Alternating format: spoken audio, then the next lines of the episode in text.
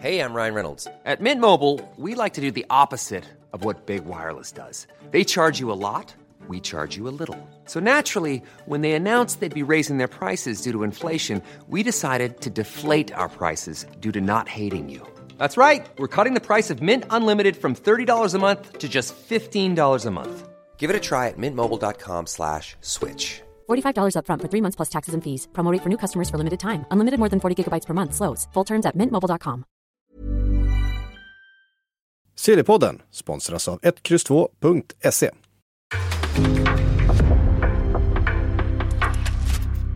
En podcast från Aftonbladet. In the supermarket, you have eggs class 1, class 2, class 3. And some are more expensive than others, and some give you better omelets. That's the wrong information. Wrong, wrong, wrong information. I didn't say that. That's the wrong information. Do you think I'm an idiot? Wrong, wrong, wrong information. Now look at me when I talk to you. Your job is to tell the truth. That's the wrong information. Sillypodden, idag kommer vi fortsätta prata eh, Vlahovic, eh, det blir Arsenal, men kanske inte i samma, i samma andetag längre som vi har haft under hela vintern. Eh, Vlahovic numera på väg till Juventus, vad det verkar. Makoto med i studion och Frida med från London som vanligt. Är det, är det besviket i, i Arsenal-leden Frida skulle du säga när det nu mer eller mindre står klart att det inte blir Vlahovic till, till Arsenal? Jo, men hade man inte det lite på känn då nu på sistone? Jag tyckte att det mesta indikerade i hans eh, kroppsspråk tänkte jag säga. Det, är inte, det har, har jag inte noterat i och för sig, men eh, att det verkade ändå som att Vlahovic inte var särskilt intresserad av att flytta till England. Eh, jag tror väl inte att så många supportrar har speciellt höga förhoppningar om att de ska kunna landa en annan anfallare nu innan fönstret stänger. Även om det mesta indikerar att de kommer anstränga sig till sitt yttersta för att försöka göra det. Äh, Alltså, just Juventus, Vlahovic på något sätt. Alltså man, man, man känner sig lite dum som ens har trott att han liksom faktiskt kan vara på väg till Arsenal för det känns ju så logiskt. Alltså många, alltså Serie A-kunniga människor har ju sagt det från början att det kommer ju bara sluta med att han går till Juventus ändå. Och ja, här sitter vi nu när alla italienska medier i princip simultant under gårdagen basunerar ut att Vlahovic och Juventus är på gång. Kommer vi, kommer vi känna likadant när Haaland skriver på för Bayern München eh, om, Ja, men faktiskt, om, faktiskt, om, om, ja. ett och ett halvt år Ja, liksom. men där, där har vi, det är exakt det liksom att hur kunde vi inte se det här hända? Vi visste ju att det här skulle hända. Eh, men i, i Vlahovics fall så, alltså för Juventus betyder det här enormt mycket att få en påminnelse om att jo då, vi har fortfarande den där statusen. Vi är fortfarande den klubben som spelare vill spela för, men vi har fortfarande den attraktionskraften att locka en spelare som Dusan Vlahovic som verkar vara varit totalt inställd på att jag ska till Juventus. Det är väl därför han det varit bara totalt tystnad när Fiorentina har försökt att få något form av svar från han och hans agenter angående de här buden från Premier League. Det ska ju bara ha bemötts med tystnad, det har de ju sagt rakt ut. Eh, I det här fallet nu när allting är så tydligt, när allting, alla medier som kommunicerar det här samtidigt, det bara slår på en dag, Gazettan dundrar ut kontraktsdetaljer, eh, prislappen som väl lär hamna runt 60 miljoner euro. Sen finns, kan man verkligen fråga sig, hur överhuvudtaget har Juventus råd med det här just nu? Eh, men det löser de på något sätt. Eh, och det här kommer ju då starta massa andra saker i den här sista veckan av fönstret och det är det som är det roliga med det, att så snabbt vi får igång det här, då kommer ju Arsenal som sagt att försöka hitta något annat. Vi öppnar Alvaro Morata till Barcelona-dörren igen. Den där ska försöka lösas på något vis. Det kanske till och med kan öppna en dörr för Arturo och Arsenal, även om de inte är i samma position så finns det fortfarande så att de måste göra någonting för att kunna finansiera nu när de lyckas lösa den här värvningen. Eh, hur blir det med Dybala? Är en annan fråga. Eh, har de tänkt att spela dem tillsammans eller är Dybala helt körd? Är det därför de plötsligt nu gett sig in i det här? Eh, många frågor men alltså vi kan nog nästan räkna hem att Vlahovic hamnar i Juventus, det vågar jag faktiskt säga. Ja, det är ju oerhört samstämmiga uppgifter från Italien eh, Mm. att det här är, är på väg att hända nu. Eh, så att, eh, ja, det, allt, allt pekar mot det. Eh, så att säga. Och då, eh, om vi då skriver, om vi räknar hem den, eh, dels så vet vi att eh, Fiorentina i sin tur har värvat in eh, någon slags ersättare i alla fall. Fast de vill ju fortfarande ha en till ersättare sägs det. Att Piontek verkligen faktiskt var en komplement. Och då pratas det ju om eh, Arkadiusz Milik bland annat. som, ja, det, det pratas alltid om Arkadiusz Milik så Ja, fort någon precis. eh, Serie A-klubb ska ha en forward. Och, Sick note. eh, Eh. jag vet att det var vår kollega på Simon, Kristoffer Svanemar, hade en tweet som var ganska rolig angående just Milik där att Milik och Vlahovic är väldigt lika som spelare men det är en skillnad, en är väldigt dålig och en är väldigt bra. Men de är det, det säger en del liksom. Ja. Jag kan hålla med om den och skriva under på det. Men det, är- det är, som sagt, för Juventus del är det betyder det här så otroligt mycket. Och det säger, det säger en del om att, jo då, de, de är fortfarande den där gamla damen som vi känner igen trots allt. Men vart lämnar det här Arsenal? De måste ju ha in någon. Eh, det blev ju uppenbart inte minst mot, eh, mot Burnley i helgen att det, eh, de behöver någon som kan stoppa in bollar där längst fram. En, en riktig referenspunkt. Eh, eh, om man då inte ska behöva krypa tillbaks till Aubameyang efter allt om och men som eh, har passerat där. Eh, men det finns några alternativ. The Athletic har rabblat upp ett par. Alexander Isak är fortfarande intressant för eh, Arsenal. Eh, har också nämnts Luka Jovic eh, som ett alternativ på lån från Real Madrid i sådana fall. Vi fick ett, eh, en fråga från eh, Andreas Lind som skriver Arsenal är tydligen intresserad av att låna Luka Jovic. Har ingen koll på honom alls. Vad tror ni om, en om honom som en tillfällig lösning? Alltså han var bra i Tyskland. Han var jättebra i Tyskland, men det var ju ett tag sedan nu. Eh, sen så var det ju Real Madrid som la jättemycket pengar på honom. Sen har det inte alls fungerat i Real Madrid mycket på grund av att han inte fått, fick så mycket chanser i början. Men sen tog han heller inte chanserna när han fick dem. Det här liksom målskyttet som man ska vara känd för, det har man inte sett skymten av i Madrid-tröjan.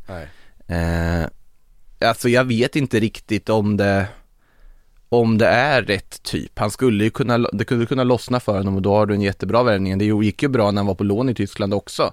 Den där lilla sessionen han hade i Frankfurt där. Ehm, Kanske visar att den nivån passar honom också ju. så är det ju. så är det ju. Eh, men alltså, pff, alltså Real Madrid skulle säkert kunna vara öppna för det. Eh, samtidigt så är han ju också andra fiol bakom Benzema just nu som central forward. Eh, Mariano, han borde gå före Mariano i alla fall om vi säger så. Jag tror att Ancelotti ändå ser honom att gå före Mariano. Men ja, som, som kortsiktig lösning absolut, men då Ja, bara för att få in någon där. Men jag vet inte hur mycket han gör Arsenal bättre egentligen. Nej, och grejen med Arsenal, precis som jag var inne på där, alltså man såg ju verkligen skillnaden mellan Arsenal och Man United nu senast i helgen. Att Man United slänger ju på tre spelare som visst har stormat lite kring dem också. Vi kommer väl prata särskilt mycket om en eh, lite senare i det här avsnittet. Men det är ju ändå spelare som allihopa håller någon slags, alltså en, en hyfsat hög nivå och kan komma in och ändra på en, på en matchbild helt. Och Arsenal har ju inte riktigt det djupet i sin trupp riktigt än. Så att det är förståeligt på ett sätt att de vill, att de verkligen vill få in nya namn då som liksom ändå förhoppningsvis kan göra lite skillnad. Eh, men man är ju ändå mest, mest exalterad över att Alexander Isaks namn ändå förekommer frekvent. Nu ska de väl inte vara villiga att betala den utköpsklausulen på vad är det, 900 miljoner kronor. Det är ju ganska mycket. De vill ju i så fall förhandla ner priset. Och då är ju frågan om Real Sociedad, alltså skulle de verkligen vilja släppa honom och vill Isak ens flytta mitt under en säsong? Jag är inte riktigt säker på det heller för att han verkar ju trivas väldigt, väldigt bra där.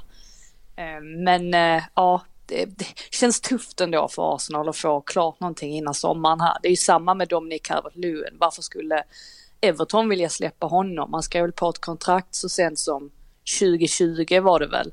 Och Everton, trots att de har spenderat så mycket pengar som de har gjort de senaste sex åren så är ju inte de i en position där de måste sälja spelare. Så det känns inte heller logiskt. Så att jag tror att Arsenal kommer få det ganska tufft tyvärr och, och ordna någonting här innan fönstret stänger dök upp lite roliga uppgifter här samtidigt från AS i Spanien om att Arsenal har joinat Leeds i jakten på Espanyols Raúl de Tomas, alltså RDT.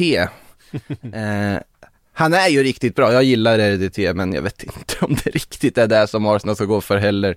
Och ska Eh. man chansa också? Alltså det, det, det är väl det som är hela grejen också. För man tänker att de har väl haft en lista nu med vilka spelare de vill ha. Vlahovic har varit väldigt högt upp på den och så har man identifierat att ja, men han kanske har egenskaper som, som passar in. Även om vi inte kunde se det riktigt. Alltså att hans egenskaper kanske inte är, liknar så som Arteta har, har spelat och använt spelare hittills. Men man tänker sig väl ändå att det har funnits en sorts plan kring alla de här spelarna och det känns som att ju längre ner du kommer på den listan desto mindre bör ju spelarna passa in, tänker man sig.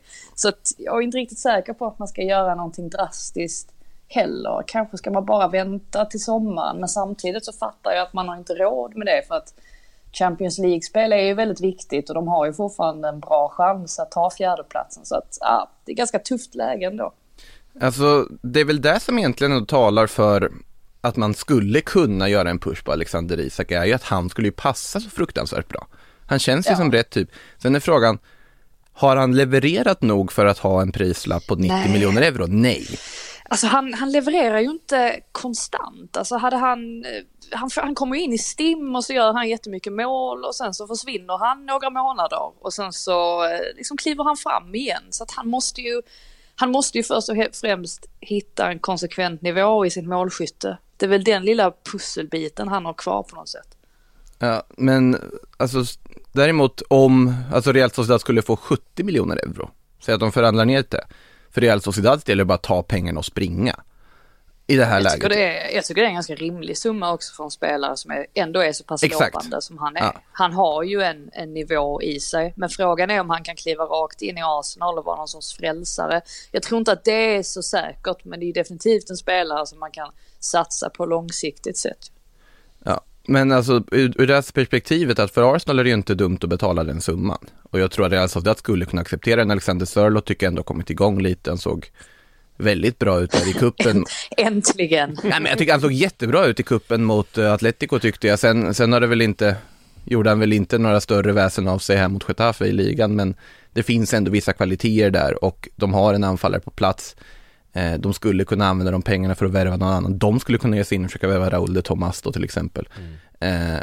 För Real Sociedad, det är frågan också hur mycket man, hur högt man värderar Alexander Isak på så vis. Men 70 miljoner euro om det skulle hamna på en sån och de skulle vara typ överens så tycker jag Real Sociedad ska ta det. Och jag tycker det är rimligt för Arsenal också. Jag vet jag har sagt tidigare att det finns inte på kartan att Isak flyttar i ett vinterfönster. Jag börjar mer och mer tro att vi kan få se en jakt på det honom. Det hänger nog väldigt mycket på honom själv också känns det mm. som. Och just det här att, precis som vi var inne på, att han verkar trivas oerhört bra i klubben. Att det kanske är det som gör att han, han inte vill ta några förhastade beslut här heller. Jag vet inte, det är svårt att, svårt att veta hur han tänker men det är väl själva känslan kring det hela i alla fall. Mm. Eh, vi eh, går vidare därifrån och eh, konstaterar att Martial nu är på väg till Sevilla. Oh vad kul! Tycker jag, det här, det, det här ser jag fram emot att se. Alltså jag tror det kan bli så otroligt bra för alla parter.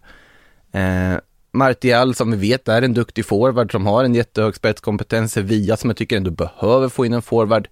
Eh, med all heder till Rafa Mir och Nesiri. Jag tycker att det, det, det är en position de kan förstärka.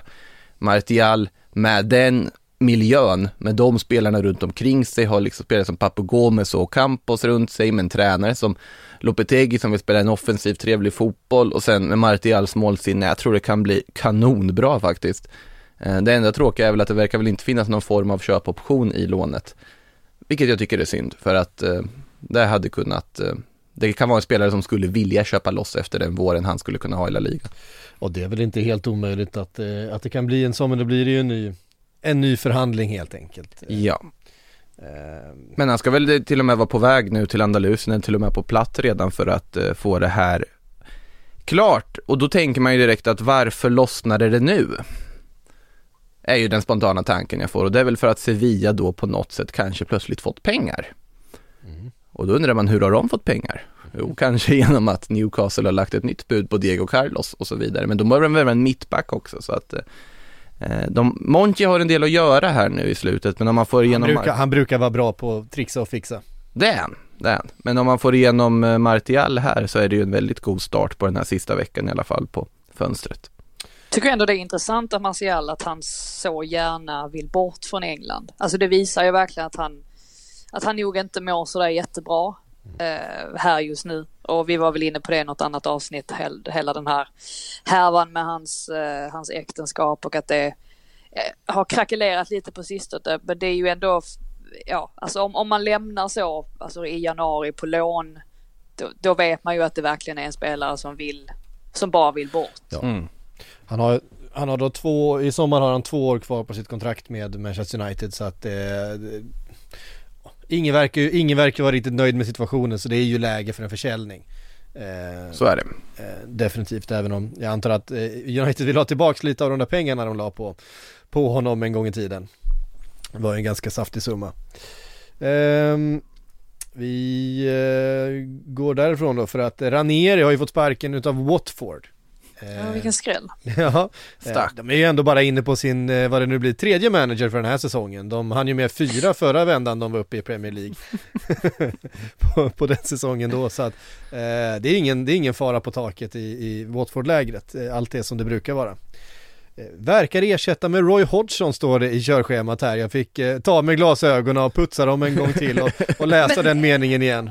Är du verkligen förvånad ändå? Alltså jag var inte ens, jag, jag höjde inte ens på ögonbryn Nej, men det, när jag såg Jag trodde han det. hade var- gått i pension. Nej, nej, nej, nej, nej. Jag, jag vet att, jag tror det var att jag pratade med Jonas Olsson som är, står honom ganska nära. Mm. Eh, jag tror de brukar spela paddel eller är det kanske inte han som spelar paddel men de brukar ses i alla jag fall. behöver, jag behöver jag. video på när Jonas Olsson och Roy Hodgson spelar paddel ja, faktiskt. Ja, men jag, faktiskt. eller, eller om det är Roys son som spelar paddel. Det kan så Kanske är också. mer logiskt. Alltså, jag har nog, jag har Jag vet ju också hur, hur tävlingsinriktad Jonas eh, Olsson är, att han, är- han, han kommer ju inte hålla igen. Liksom. Smashar ner stackars Roy där när han står. Men då, då vet jag att Jonas sa i alla fall att han tyckte, och detta var ju länge sedan, detta var ju alltså ett par månader efter att han hade fått sparken då ju. Och eh, då vet jag att Jonas sa att Roy ändå verkade sugen på att ta ett nytt jobb. Och då, ja, det förvånar inte mig. Det känns som en sån människa som bara lever och andas fotboll. Så han har nog bara gått, och, gått runt och väntat lite på sin chans här. Så att, äh, ja, jag är jättespänd på att få se honom igen med hans 4-4-2. Han behövs i Premier League tycker jag i alla fall. Är inte, är inte Ranieri lite Italiens svar på Roy Hodgson annars? Är de inte lite lika i sin profil? Lite journeyman, 70 plus? Nej, men jag, jag tycker vart- Roy, vart Roy ändå är, en- Roy är en bättre krisdoktor än vad Ranieri, äh, Ranieri, äh, vad Ranieri är. Eh, jag tycker faktiskt det är ganska konstigt att Watford plockade in honom från första början för det var inte som att han gjorde underverk i, i Fulham när han var där. Nej. Så att det, det kändes ganska ogenomtänkt, vilket är väl signifikativt för hur Watford fungerar egentligen på ledningssidan. Det är mest liksom, ja, man, man byter och, och har sig och verkar inte tänka så mycket på själva strukturen långsiktigt sett. Jag tror att Roy är ett bättre alternativ. Sen om de klarar sig kvar, det låter, det vet jag inte riktigt för att nu verkar Newcastle också komma igång och, och sådär så att det kommer nog bli ganska kämpigt men eh, ja, jag tror ändå att de kan ha en, en bra chans med Roy.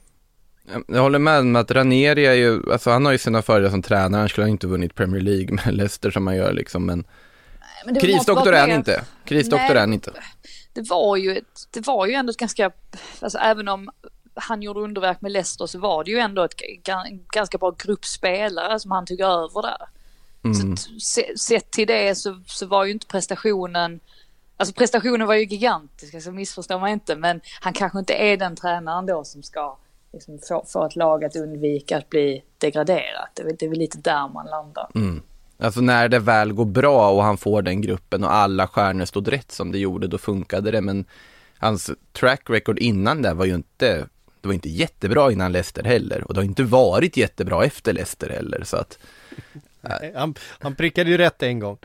ja det gjorde han och det, jag tror att det förlängde hans karriär i de större klubbarna utan tvekan att han prickade rätt. Han skulle aldrig varit aktuell för Watford annars. Han kom väl ifrån ett tvärfiasko i Grekland, var det inte så? Det var hans sista grej före han gick till Leicester var Han har ju massa tvärfiaskon genom åren. Ja men att han gick till Grekland och liksom eh, förlorade fem raka matcher och sånt där och fick sparken direkt. Det var, det var något åt det hållet. Eh, Ja, de var ju bara dragna till hans namn. Alltså det, det, det förstår man ju. Eh, att det var det som låg till grund för det beslutet. Men ja, som sagt, det visar väl hur, hur Watfords ledning, hur de jobbar. Alltså det är helt sanslöst, Ranieris, alltså lista på klubbar han har tränat. Han började alltid på 80-talet någon gång i... Nej, men jag säger det, de är, Ja. de, han är lite Italiens Roy Hodgson på något sätt. Eh, tränat landslag, tränat en jävla massa konstiga, konstiga lag på vägen, började rätt ung Ja, fast alltså om man tittar från då 90-talet, från Cagliari här liksom framåt. Napoli, Fiorentina, Valencia, Atletico, Chelsea, Valencia, Parma, Juventus, Roma, Inter. Det är inga dåliga klubbar, han tränade i Nej. 20 år. Nej, Sen verkligen. Monaco, Grekland ja, just det. Ja, Grekiska precis. fiaskot. Och sen direkt till Leicester. Precis. Och sen Nans, Fulham, Roma, Roma, jag har förträngt att han var i 2019. Sampdoria, Watford.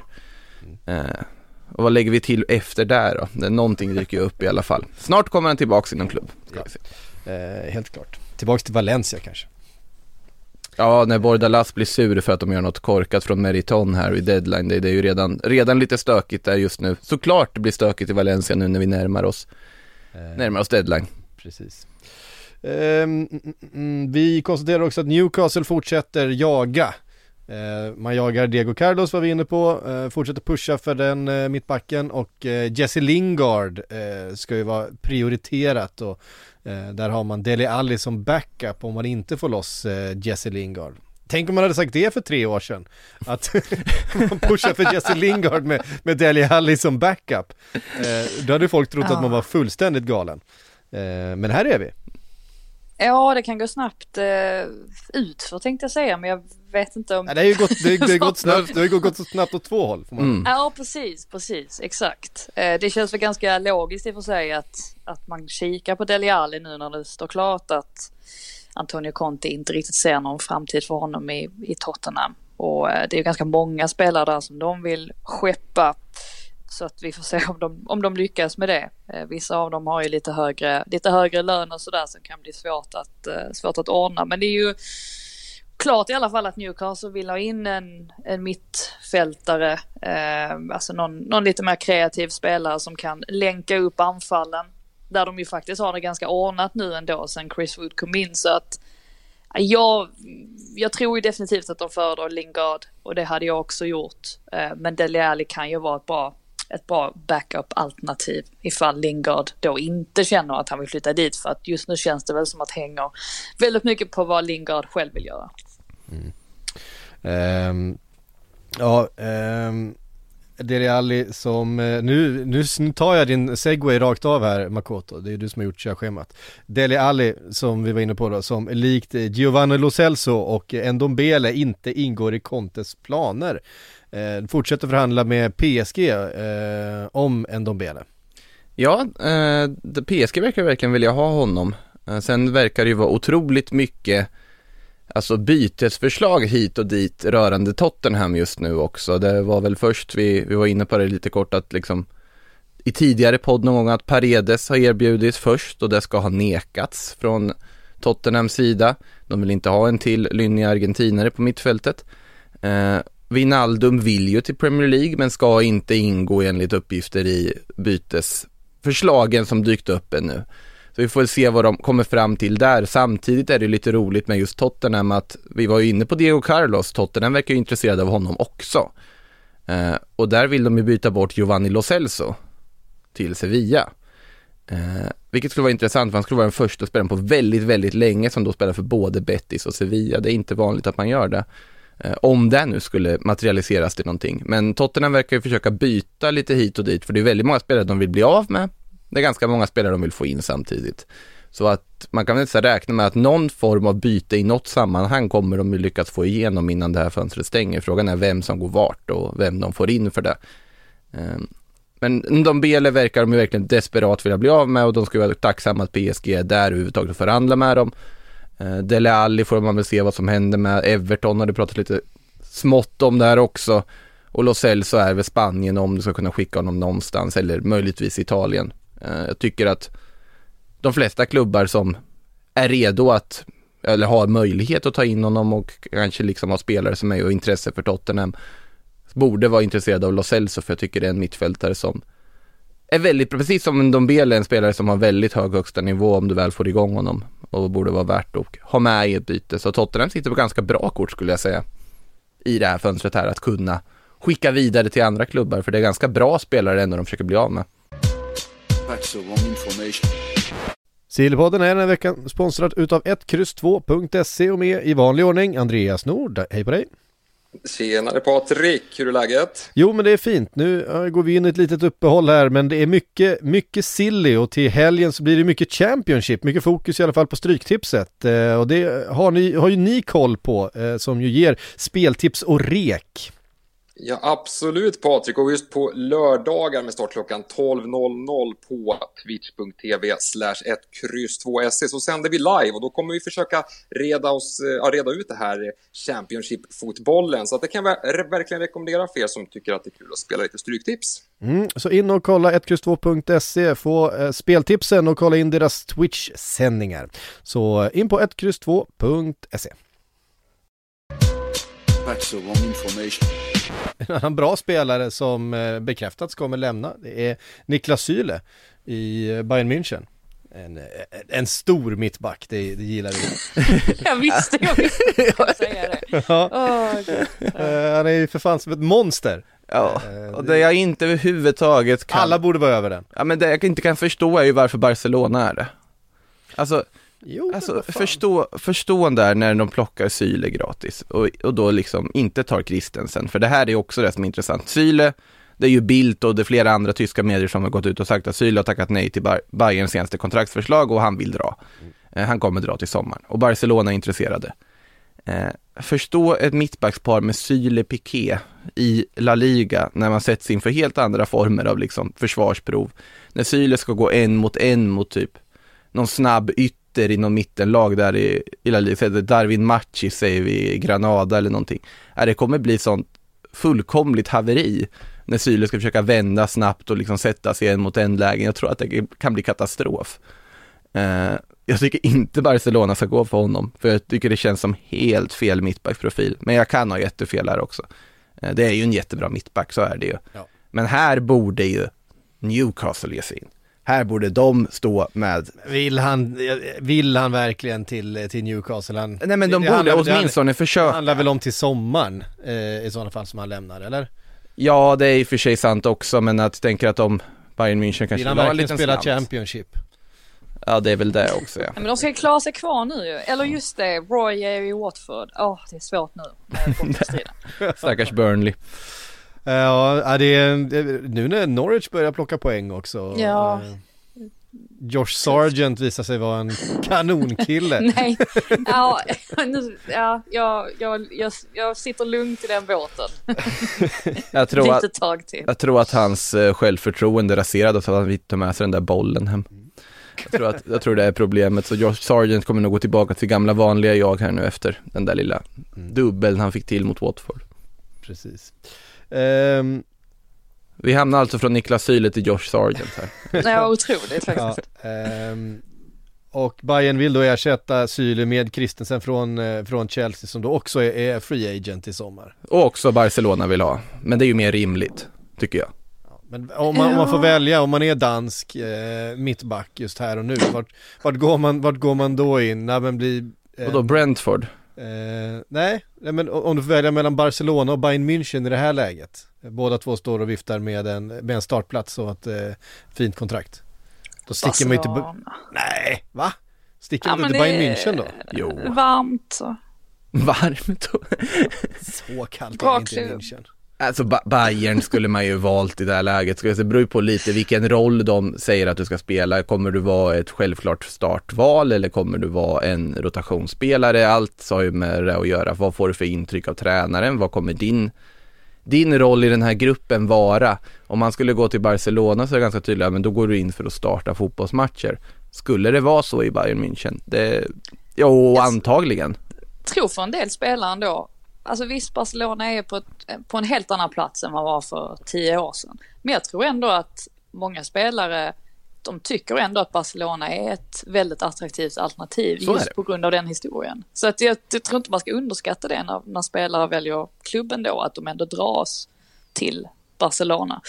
Men eh, ja, jag tror att han hade klarat av det, alltså klarat det bra oavsett om det är, är Tyskland eller Spanien. Mm han är en väldigt bra mittback. Sen är inte jag övertygad om att han jag tycker ju inte att han är den här mittbacksgeneralen ändå. Alltså att han är lite sådär fragil ibland i, i, eh, ja men att han kanske kan göra något misstag och sen så hamnar han lite fel i en match. Alltså den tendensen. Så att han är inte riktigt någon Thiago Silva även om det är ju många supportrar som givetvis vill att han ska stanna eftersom att han har hela den här bakgrunden i akademin. Men jag blir inte förvånad heller om han nu är sugen på att testa något nytt eftersom att han har varit här i så väldigt många år. Alltså får man inte känslan av de tre då som har utgående nu, alltså Christensen, Rydiger, Aspilicueta, att alla de tre faktiskt är ganska stor chans att de lämnar? Alltså jag har ju vänt lite nu i Rydiger för nu tycker jag helt Mm. plötsligt det känns som att han kommer stanna. Och det kände jag inte för två veckor sedan så att det går ju snabbt i eh, svängarna. Mm. Men eh, just nu så får jag känslan av att han faktiskt kan tänka sig att, eh, att skriva på ett nytt kontrakt. Medan i Christensens fall så känns det som att jag blir mer och mer övertygad, övertygad om att han kommer lämna. Men det är ju just för att det har funnits kontrakt på bordet och sen i sista sekund så Mm. har han inte velat skriva på. Jag tycker det visar, även om jag förstår såklart att han försöker pressa upp sin lön så mycket som möjligt, så tycker jag ändå det indikerar att man är öppen för att flytta i alla fall. Så att det är väl där man står just nu. Det verkar ju, jag håller med dig där, det verkar ju som att Christensen, alltså är mer den här, jag vill ha ett nytt äventyr och testa någonting nytt. Och när lag som Bayern München och Barcelona hör av sig så klart att det lockar. Att få spela för en av de två klassiska klubbarna, två av de största klubbarna inom tiderna. Som är intresserade, det är inga skitklubbar som vill ha honom liksom. Och för Rydigers fall så känns det ju ändå som att han, han har varit mer tydlig med att jag kan tänka mig stanna i Chelsea från början. Bara att det inte riktigt har kommit så långt i förhandlingarna att det också är toppklubbar som vill ha honom. Men jag, jag håller nog med dig där Frida, att uh, Rydiger känns just nu mer trolig, men om en vecka så är det väl säkert så att det är Aspilicueta som skriver på ett nytt kontrakt och Rydiger är på väg till, eh, jag vet inte, någon helt annanstans. Ehm, Nicolas Tagliafico, eh, Ajax. Det var ett tag sedan. Ja, men han dyker alltid upp så fort någon lag vill ha en vänsterback. Lite smått bara i något hörn så är han aktuell för att det är en liksom, billig lösning och han vill bort från Ajax. Och sen försvinner ska- det bort och så, Han skulle ju till Arsenal för något år sedan. Det var ju jättenära då en hel sommar och sen blev det inte så i alla fall. han skulle väl till United en sväng där när de valde Alex eh, Telles istället. De skulle ju till Chelsea en sväng innan de bestämmer sig för att göra en extra push nu för att köpa tillbaka spelaren som de har ute på lån.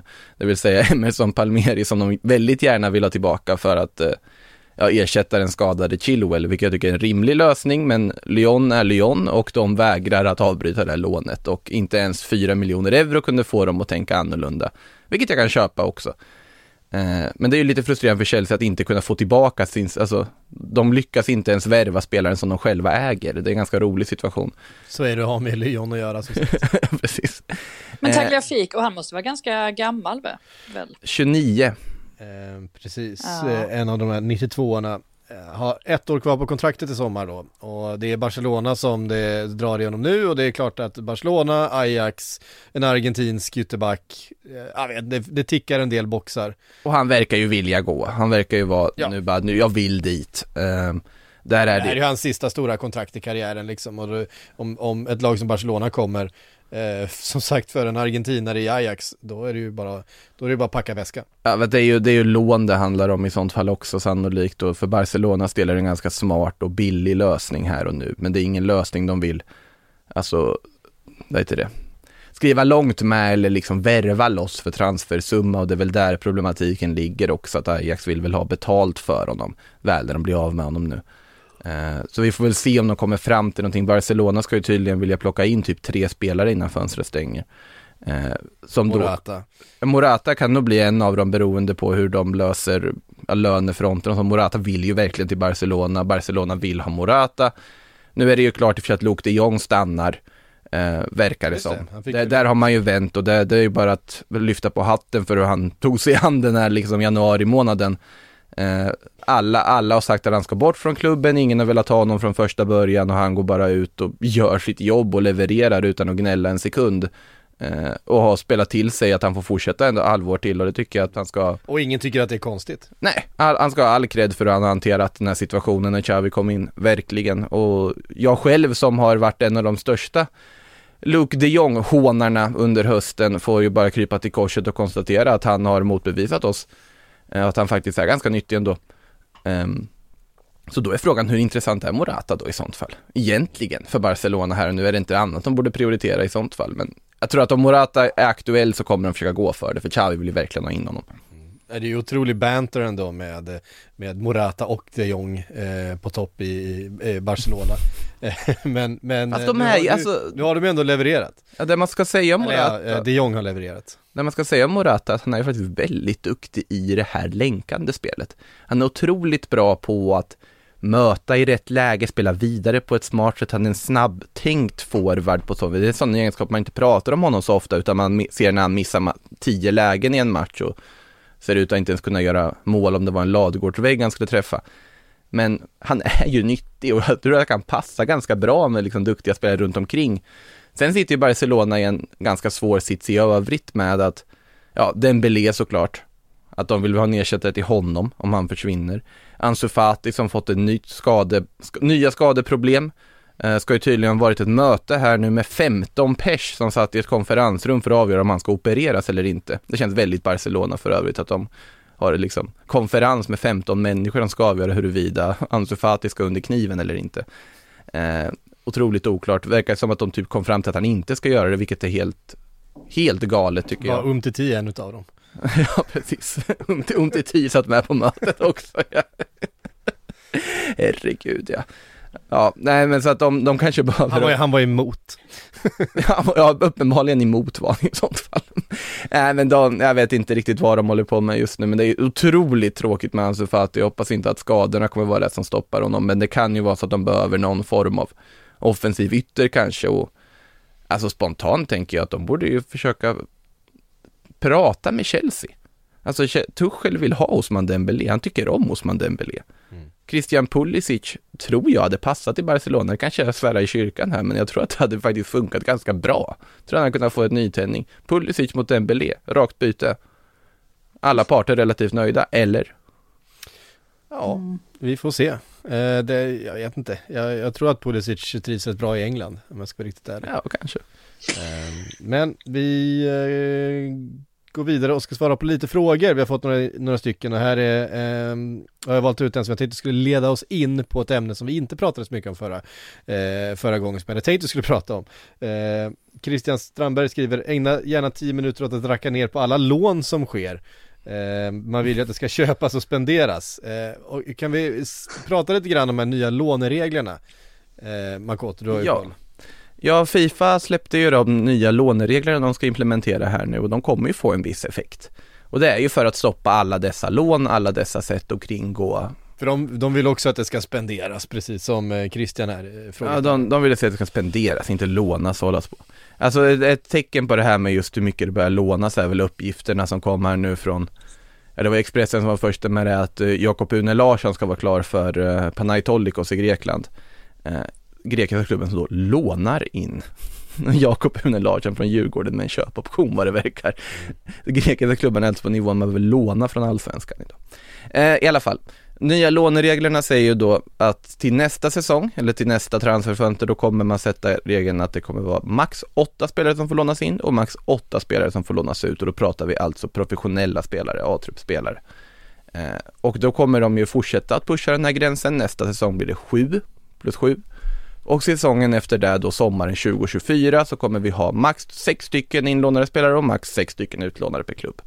Och då är, innefattar också reglerna att du får max låna ut tre spelare till samma klubb. Eller låna in tre spelare från samma klubb. Eh, så att det är de som kommer påverkas av det här ganska uppenbart, det är naturligtvis klubbar som Chelsea och Manchester City som byggt mycket av sin war chest på de här låneaffärerna, på att ha mycket spelare, ha breda trupper och låna, ja, Lucas Piasson är ett bra exempel som lånats ut till allt och allting som rör sig under väldigt många år för att därefter då, ja, in, generera en transferintäkt i slutändan. Alternativt som i vissa andra fall så kommer de in i A-laget som säger Mason Mount gjorde. Nu lånades inte han lika mycket ut hit och dit men likväl. Och det kommer ju bli problem då för Chelsea såklart. Att de kan ju inte låna ut spelare hit och dit på samma sätt att deras modell måste de ju börja fundera över. Mm. Ja, sen, sen, ska man väl tillägga också att det finns för vissa undantag för alltså spelare som är under 21. Så är det. Äh, egna akademi, spelare mm. och dessutom inhemska lån. Att det kommer vara annorlunda där. Eh, så att det får man också påpeka då att det är nog inte så extrema regelförändringar ändå som man kanske tror vid, vid första Mm. anblick. Men man får väl se hur det, hur det kommer att påverka på sikt. Återköpsklausulen kommer att användas ganska ofta. Men, eh, ja precis och eh, Eh, det som man också tänkte då hur det här påverkar lag i Championship eh, och League One och så vidare som ju bygger mycket av sina trupper på inlånade spelare från eh, hö- högre upp i, eh, i tabellsystemet i England. Eh, men ehm, då rör det sig ofta om, om unga spelare, eh, om 18, 19, 20-åringar som är precis utanför, utanför älvorna då i, i, i Premier League-klubbarna. Ja. Och som sagt inhemska lån då kommer ju vara Undantaget. det, ja, det ser ut som att det kommer att bli, eh, ja. Eh, vet inte exakt hur det kommer att bli, men det ser ut i alla fall Mm. som att det kommer att vara något sorts undantags. Och effekterna vet vi ju inte förrän då egentligen. Exakt hur, men den är ju ganska liksom oviss egentligen transfermarknaden. Klubbarna har idéer, de kommer hitta på, de kommer lösa det på ett eller annat sätt. Eh, Erik Persson skriver, var ska Svanberg tycker ni? Och han skulle ju till Tottenham ett tag. Sen vart det tyst. Det? Ja. Eh, det verkar väl som att han blir kvar i Bologna nu, för jag har inte sett något annat i alla fall. Nej, men vart, vart tycker vi att han ska då? Tottenham. Faktiskt. Är han, är han redo att flytta till England? Ja, ja. Börjar bli dags väl, eller? Ja, det är ju en fin säsong bakom sig här och måste ju bygga på den. Det beror lite på om man vill se honom ta ett extra kliv i den liksom italienska hierarkin först eller inte. Om man kan se honom spela för en klubb som, säg, Napoli, Inter, Milan eller något sånt, att han skulle gå upp ett steg från Bologna innan den flytten. Men jag vet inte riktigt hur. Tänk, tänk väl lite annars, alltså nu, visst nu är väl Christian Eriksen på väg in i Brentford, men annars känner jag att det kanske hade varit ett bra, alltså en sån typ av klubb Mm. hade varit bra för honom. Eh, de spelar också på ett sätt som jag tror hade, hade passat honom ganska, ganska fint, men ja, får vi se. Leicester. Ja, det är en tuff konkurrenssituation. Ja men de måste vi ersätta Thielemann om de blir av med honom till sommaren. Det är sant. Eh, Ja, det- Jag tror inte det är en helt dum matchning om jag tänker till sommaren då. Eh, Urban Westerberg skriver, vem ska Kia värva till Everton? Eh, och hur, hur kan det bli så här med så stort inflytande av agenter? Ja, det är han ju satt ju i, han var ju på matchen nu förra helgen, vilket ju är ett ganska tydligt tecken på att han fortfarande har en, en del makt i Everton. Och det är ju ett av de stora problemen med hela ledningen och just det här att supportrarna de stannade ju kvar, eller ett gäng stannade kvar efter matchen och protesterade ju mot att eh, de är så tysta, alltså de kommunicerar ju inte så väl med supporterna. Eller jag såg att Moshiri, han, han brukar vara med på Talksport då och då. Men det är ju bara för att han känner liksom han programledaren Jim White och så pratar han lite där och så tror han att det räcker för att vinna över alla fans på, på sin sida. Det är inte så det fungerar. Men eh, jag håller med om att det känns inte helt tryggt att Kia hänger, hänger där så mycket för att det är ju uppenbart att just spelarrekryteringarna det är inte så många som har fallit sådär jätteväl ut de senaste åren. Nej, och det är ju ehm, eh, ah, Det är ju mm, farligt det där när man sätter sig i, för eh, mycket i en båt med en agent med, med den typen av agent som ju Kia Jurabchan eh, uppenbarligen är. Han har ju ett stort stall av spelare men, men när du gör affärer med de här så, så skriver du också liksom de ser till att de, de får in foten hela tiden i, i det där styrelserummet eh, och kan utöva påtryckningar för att fortsätta eh, gynna sin egen business snarare än att gynna eh, den sportsliga framgången hos klubben som de förhandlar med. Eh, vi har ju sett ganska många exempel på hur, Arsenal var han ju också inblandad i. ja, ver- verkligen. Han, han är ganska duktig på det där Kia. Vi kan ju titta på, på spelare som han, eh, som han har i sitt roster då och det är spelare som eh, har gjort eh, stora flyttar, inte alltid varit eh, framgångsrika. Vi har, här, eh, vi har Doug- Douglas Luiz, Region, eh, Coutinho, eh, vi har William, eh, vi har, ehm, vad har vi mer? Sen var det väl faktiskt, det var det inte Kia som låg bakom Martin Ödegård till, till Arsenal också. Eh, så var det nog, de brukar vara i- Så han är ju inte involverade helt, ja alltså han är ju inte helt, det ska väl också sägas att, att eh, man kanske inte ska snacka ner, snacka ner honom eller agenter överlag för mycket. Men det är precis som du är inne på, det faran blir ju när man kanske känner sig lite för upphängd vid just en agent. Mm. Då undrar man liksom vem har den här agenten klubbens bästa intresse eh, eller handlar det bara om en själv? Det är väl lite där man, lite där man landar. Ehm, Ehm, nej men det har vi, ju- vi har ju sett eh, liknande situationer med Mino Raiola har ju haft den, den tendensen. Eh, ett tag var han ju nästan sportchef åt, eh, åt PSG och sen åt eh, Manchester United och ehm, samma sak med, med eh, ehm, vad heter han? Eh, portugisen. Jorge Mendes. Jorge Mendes ja. Eh, som ju är sportchef In, inofficiellt. Jorge Mendes har ju tagit ett steg till. Han är, Ja, precis. Han har, ju, han har ju den ultimata dealen att han liksom har en hel klubb han bara kan föra spelare till. Men det fungerar ju också för, för Wolves. Så uppenbarligen. Så det är ju ingen dålig ska- klubb så att det funkar ju de- alldeles utmärkt för dem. Ja. Det är väl ibland man undrar lite som i Fabio Silva-fallet när man lägger så otroligt mycket pengar på en ung lovande portugis. Då undrar man ju lite, jaha, okej, vad, är det som, vad är det som händer här nu? Men det är väl sånt man får ta kanske. Vi, eh, ja, som sagt, jag tror fortfarande på Fabio Silva på sikt här vet du. Eh, Jag har inte, jag har inte gett upp på Fabio Silva än. Han, gjorde, han var väl okej i helgen, men han gjorde ju ingenting. Nej, nej, det var väl snällt att kalla honom okej. Han fanns på planen, gjorde inte mycket mer än så. Ja, nej, han, framtiden är hans. Ja, eh, vi, vi får eh, eh, hoppas på det för hans skull. Eh, per Edvard Nilsen undrar vilken eh, defensiv central mittfältare ska United gå för? Det har ju varit ett problem sedan Carrick slutade. Är det, är det den mest ställda frågan? Jag tror att det är, det är en av de mest ställda frågorna de senaste tre åren i, eh, i Sillypodden. Det ska jag nog Ja, det, det vågar jag nog också säga. Vi kommer jag har, ju sagt, jag har ju sagt att de ska gå för, för Declan Rice. Och jag håller med. Det gör väl Jo. alla. Men, men är han, vill inte han ha någon bredvid sig? Alltså det är där jag, det är där jag eh, Fred. landar hela tiden. Att, att, han, att han lätt, jag tyckte man såg det i mötet med Leeds när Suchek inte spelade och Declan Rice var totalt omringad av en massa motståndare. Jag, jag vet inte, jag har inte sett honom riktigt i den, jag har inte sett honom liksom eh, eh, klara av det där helt själv på egen hand än. Så det är därför jag känner att jag inte riktigt... eh, ja, jag tycker han är en fantastisk spelare, men det är, man vill ju ha det här att han kliver upp och, och kliver fram och sådär. Och, och om man då vill ha en spelare som mer liksom ska hålla den linjen själv där eller ha ansvaret på det defensiva mittfältet, mittfältet själv. Alltså då, då drar jag mig för att konstatera att Declan Rice är det ultimata köpet. Men som sagt, det beror på hur man spelar. Det där är så ofantligt svårt att hitta just den spelaren som kan hantera sånt själv.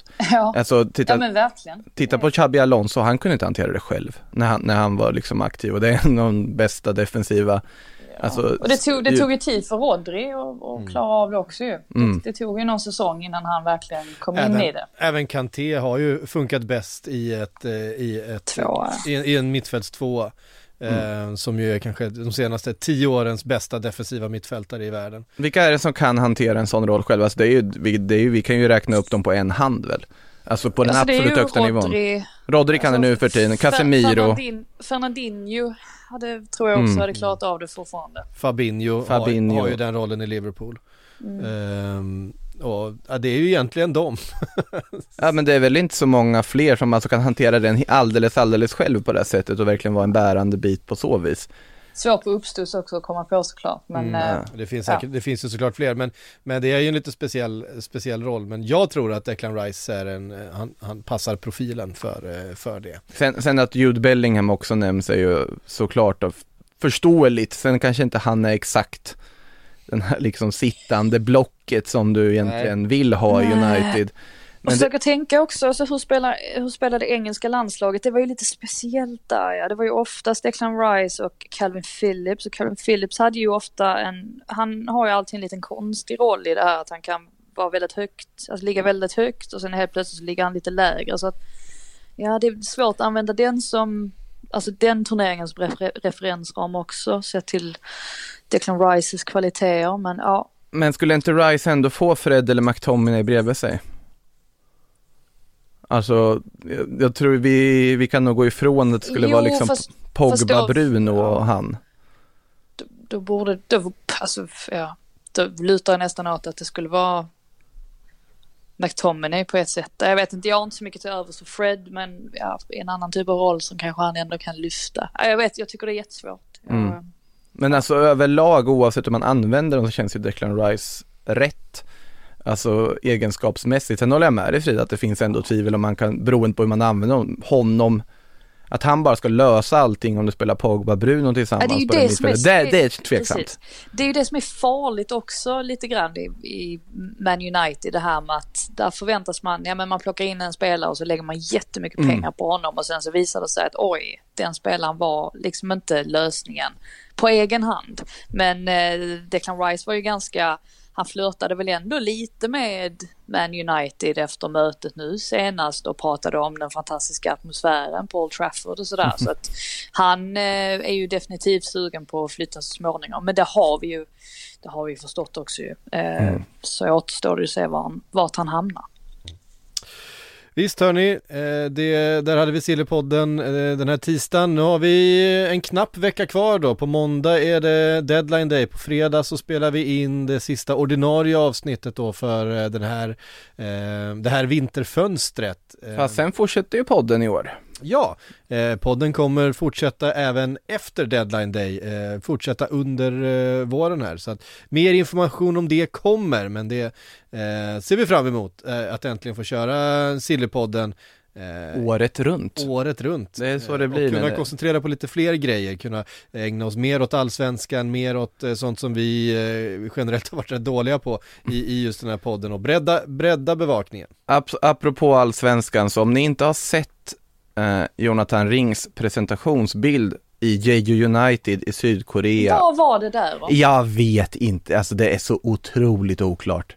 Han står alltså på någon sorts bensinmack med en, ja, och tankar bilen. Men det med själva pumpen i handen också? Ja, alltså vad- det, vad den, den är otroligt konstig. Och jag, Ja, för, jag trodde att det var, tänkte om det var liksom, hade någonting med klubben att göra. Men det jag vet inte om så. de, jag har, någon sponsor kanske? Eller? Ja, jag har faktiskt dålig koll på Jeju United måste jag ärligt talat säga, tror det eller ej. Eh, men det kanske är så att de har någon form av, eh, ja vad heter det, gasolinkoppling på ett eller annat sätt som förening, oklart exakt vad det är. Men eh, det är en underlig bild i alla fall. Vi, Han såg inte så glad ut heller. Ja fast han brukar inte se glad ut på sina presentationsbilder, Jonathan Ring, ska vi ärligt talat säga. det slår ju inte Douglas Bergqvists bild i Ukraina i alla fall. Om ni inte har sett den så ska ni absolut göra det också, där de har målat dit, alltså streck Ja, på just tröjan det, i paint. Ja, det var något av det bästa jag har sett när han presenterades för Od- Odessa tror jag det var, om jag inte helt ute och cyklar. Ja, det är mycket rörigt där ute eh, och, och stökigt i de här presentationerna. Det ska, det ska gå fort och man har inte alltid tillgång till allt. Och det, Ja men där hade de ju uppenbarligen tillgång till en bensinmack i alla fall i i United. det har man ju. Eh, Ja, det har väl det har de flesta. Nej hörni, eh, det, får, det får räcka för idag. Eh, tusen tack ni, ni som har lyssnat och Markot och Frida och Sillypodden är tillbaks på fredag igen. Hey, I'm Ryan Reynolds. Recently, I asked Mint Mobile's legal team if big wireless companies are allowed to raise prices due to inflation. They said yes. And then when I asked if raising prices technically violates those onerous two year contracts, they said, What the f are you talking about, you insane Hollywood ass? So to recap, we're cutting the price of Mint Unlimited from $30 a month to just $15 a month. Give it a try at mintmobile.com slash switch. $45 upfront for three months plus taxes and fees. Promo rate for new customers for limited time. Unlimited more than 40 gigabytes per month. Slows. Full terms at mintmobile.com.